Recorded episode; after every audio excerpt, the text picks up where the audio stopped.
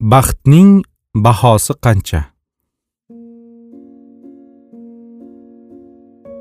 Yaqinda toshkentning chorsuv maydonida noxush bir manzaraning guvohi bo'ldim.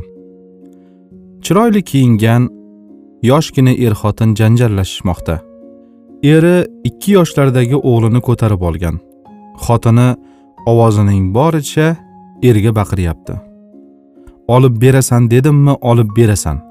Chidamasang uylanishni senga kim qo'yuvdi? Qachon bir narsa olib desa o'pkangni ko'rsatasan. Er bechora hijolat bo'lganidan qip qizarib nuqul atrofiga alanglaydi. Ovozini pastlatib xotiniga yalinadi.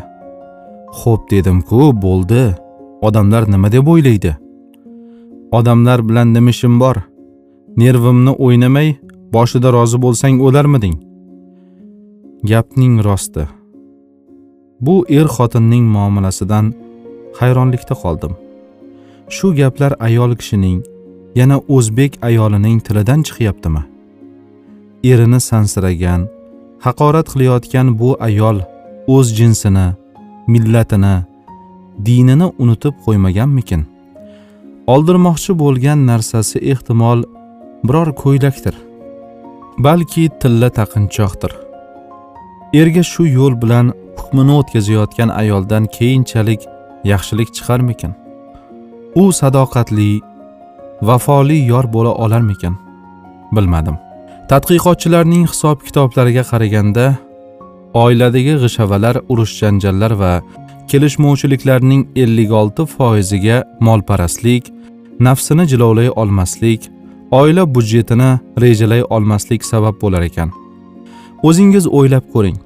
Yaqindagina turmushni boshlagan har qanday yigitning qo'li avval boshda kaltalik qiladi. Ota onasi badavlat kuyovlar bundan mustasno chunki kuyov bola o'qishni yangi bitirgan yoki hali biror ishni boshlab ulgurmagan. Baxtidan sarmast yigitni to'y o'tishi bilanoq uni ober buni ober degan iltimoslari bilan boshi berk ko'chaga tiqish insofdan ham odobdan ham emas. Hamma narsaning vaqti soati bor. Hali eringiz katta mol dunyo ham topadi. Hech kim kiymagan kiyimlarni ham olib beradi. Boshqa narsalarga ham erishasiz. Faqat shoshilmang. Indan keyin turmush degani faqat yaxshi yeyish yoki yaxshi kiyinishdan iborat emas.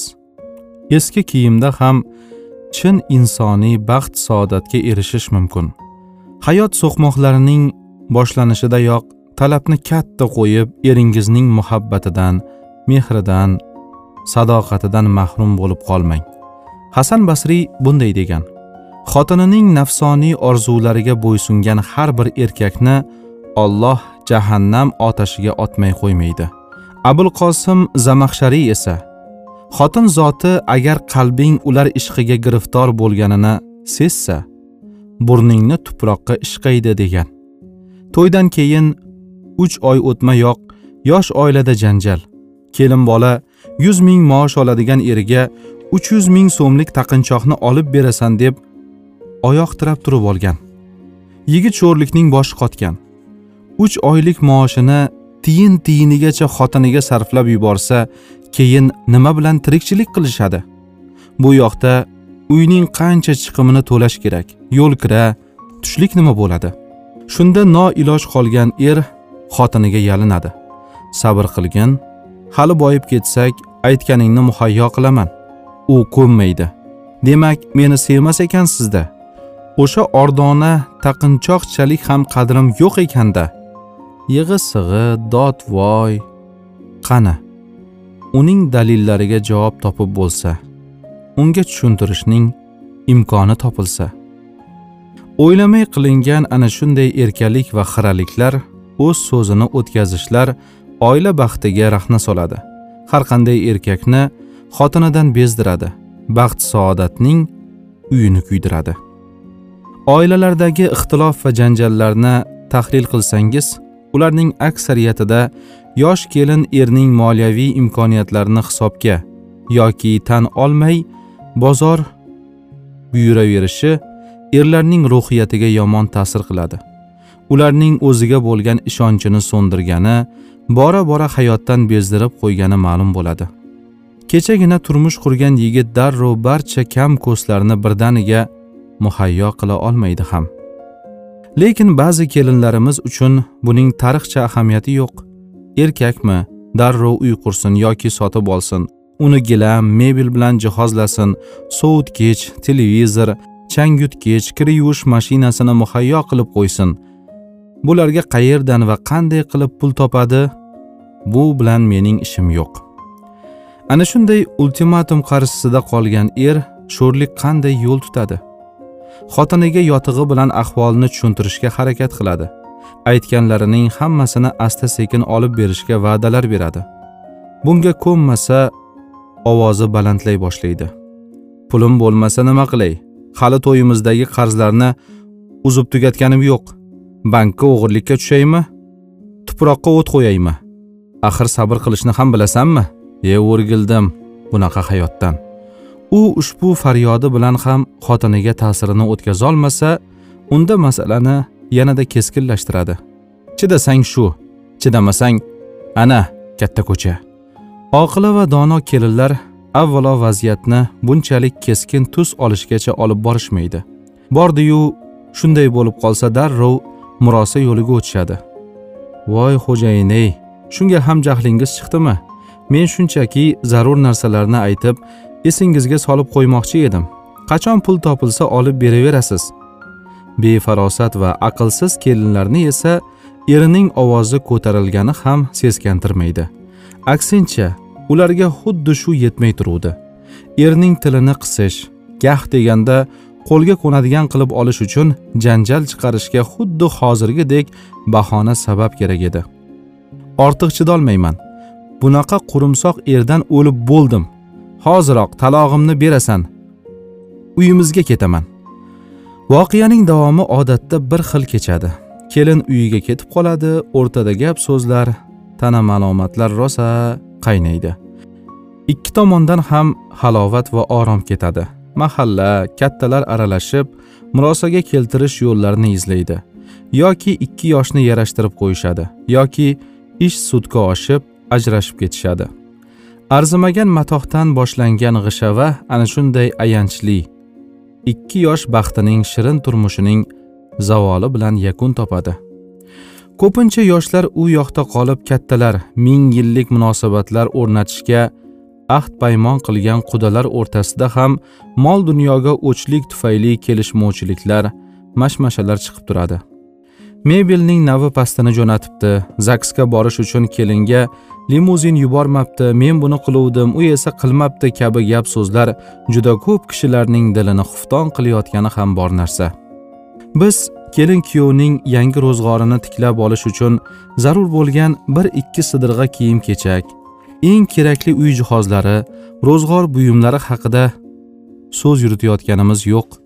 Bu ishda men sendan o'taman qabilida isrofgarchilikka yo'l qo'yish kerak nokerak ortiqcha buyumlarni sotib olish uchun ko'p vaqt oilani hamma narsadan qantarish nom chiqarga dabdababozlikka intilish maqbul emasligini aytmoqchimiz.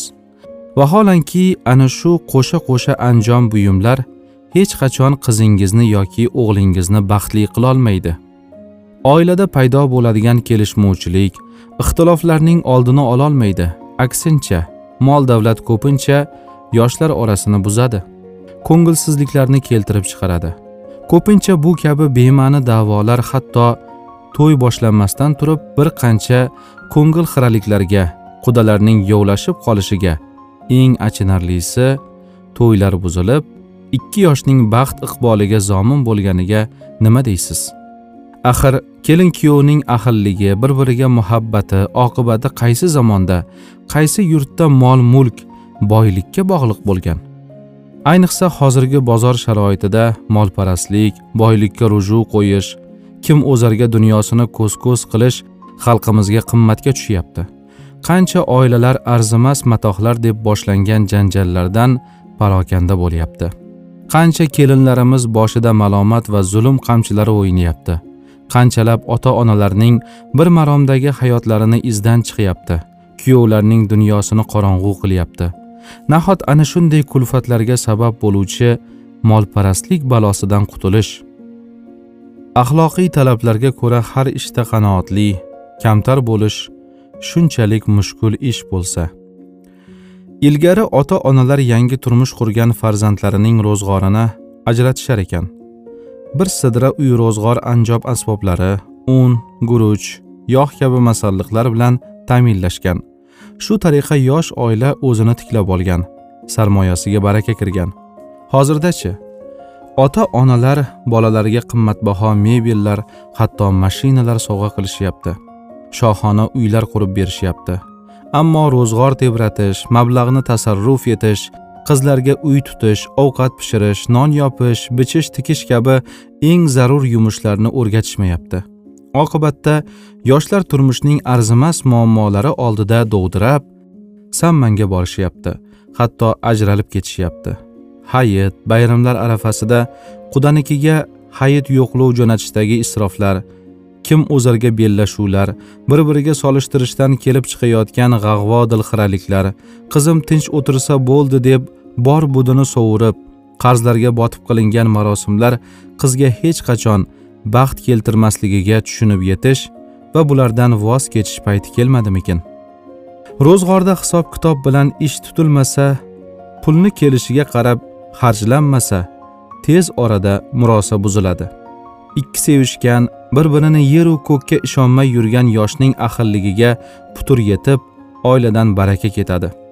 Turmushdagi yetishmovchiliklar va noto'g'ri sarfiyotlar bora bora ularni qiyinchilikka solib hayotlaridan fayzni yo'qotadi.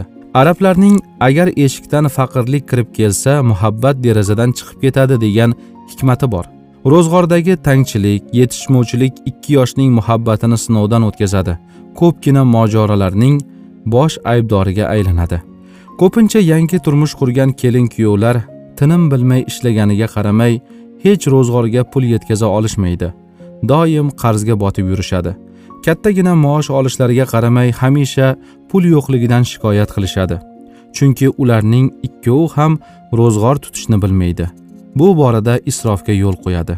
Masalan ayoli moda ketidan quvib har oyda yangi ko'ylak tiktirmasa ko'ngli o'rniga tushmaydi. Uyda ovqat tayyorlash o'rniga erinib restoranga borib qo'ya qolishadi. Jamoat transporti turganida ikki qadam joyga ham taksi yollashadi. Vannaxonadagi oshxonadagi chiroqlar zarurat bo'lmasa ham yoqilganicha qolaveradi. Bunaqada hech qachon ularning biri ikki bo'lmaydi. Hayotlariga baraka kirmaydi. Pul janjalini qilishdan to'xtashmaydi. Hisobini bilmagan hamyonidan ayrilur deydi xalqimiz. Agar oila budjeti aql bilan hisob kitob qilib ishlatilmasa yo'qchilikka yetishmovchilikka tayyorlanavering. Qayerda hamma narsa tejab tergab ishlatilsa topilgan puli rasamadi bilan xarjlansa o'sha yerda hech qachon moliyaviy inqiroz yuzaga kelmaydi. Isrofgarchilik manaman degan to'q oilani ham xarob qiladigan sindiradigan yomon illatlardan ko'pincha yosh oilalar o'zlarini boyvachcha ko'rsatishga tirishib hamma sohada isrofga yo'l qo'yishadi. Ular nazdida tejamkorlik qurumsoqlikka xasislikka tenglashtirilgan. Yo'q aslo unday emas. Onalarimiz qozondagi yog'dan bir qoshiq olib qo'yib ro'zg'or barakasini ta'minlashgan. Qotgan nonni tashlab yubormay to'g'ram quritishgan va keyinchalik undan biror taom tayyorlashgan yoki sho'rvaga ishlatishgan yangini eski asraydi deb yirtilgan kiyimlarni tashlab yubormay yamab tikib foydalanishgan yoki ulardan boshqa biror narsa yasashgan. Bugun axlatga chiqarib tashlanayotgan bus butun kiyimlar poyabzallar ro'zg'or ashyolarini ortib qolgan ovqatlarni ko'rib kishilarimiz naqadar isrofgar bo'lib borayotganidan afsuslanasan kishi. Kelinlarimizning oiladagi hisob kitob ishlariga befarqligi ham qimmatga tushishi mumkin. Elektr chiroqlarini zaruratsiz yoqib qo'yadigan masalliqlarni isrof qilib yuboradigan ro'zg'or yuritishda tejamkor bo'lmagan kelinlar ham xonadonga suyumli beka bo'la olishmaydi.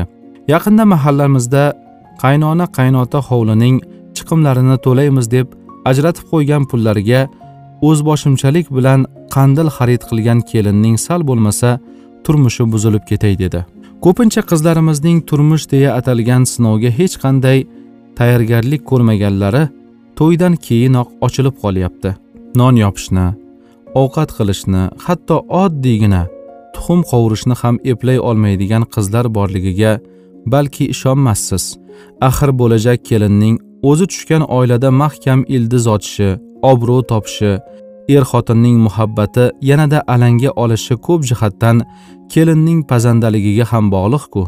Ba'zi xalqlarda erning diliga qorni orqali yo'l topiladi degan maqol bejizga to'qilmagandir. Aksariyat oilalarda janjal g'ashavalarning kelib chiqishi ko'pincha ovqatga borib taqaladi. Yosh kelinlar non yopish mazali taomlar tayyorlashni o'z uylarida o'rganib olishlari lozim. Ovqat qilishdan oldin eng avvalo kattalarning istak xohishlari inobatga olinadi.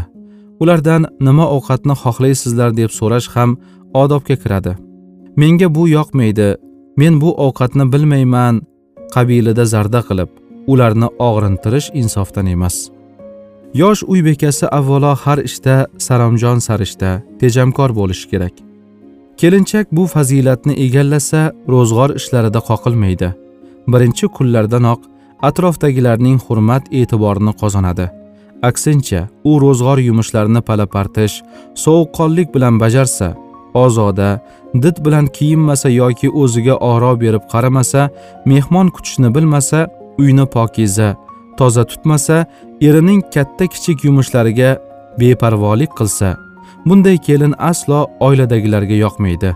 Bu holning tuzalishidan umidini uzgan kuyovning qaynona qaynotaning oxiri sabrlari tugab epsiz kelinning bahridan o'tish harakatiga tushib qolishadi yoki uning butun umri ta'na malomatlar mojaro tortishuvlar bilan o'tadi.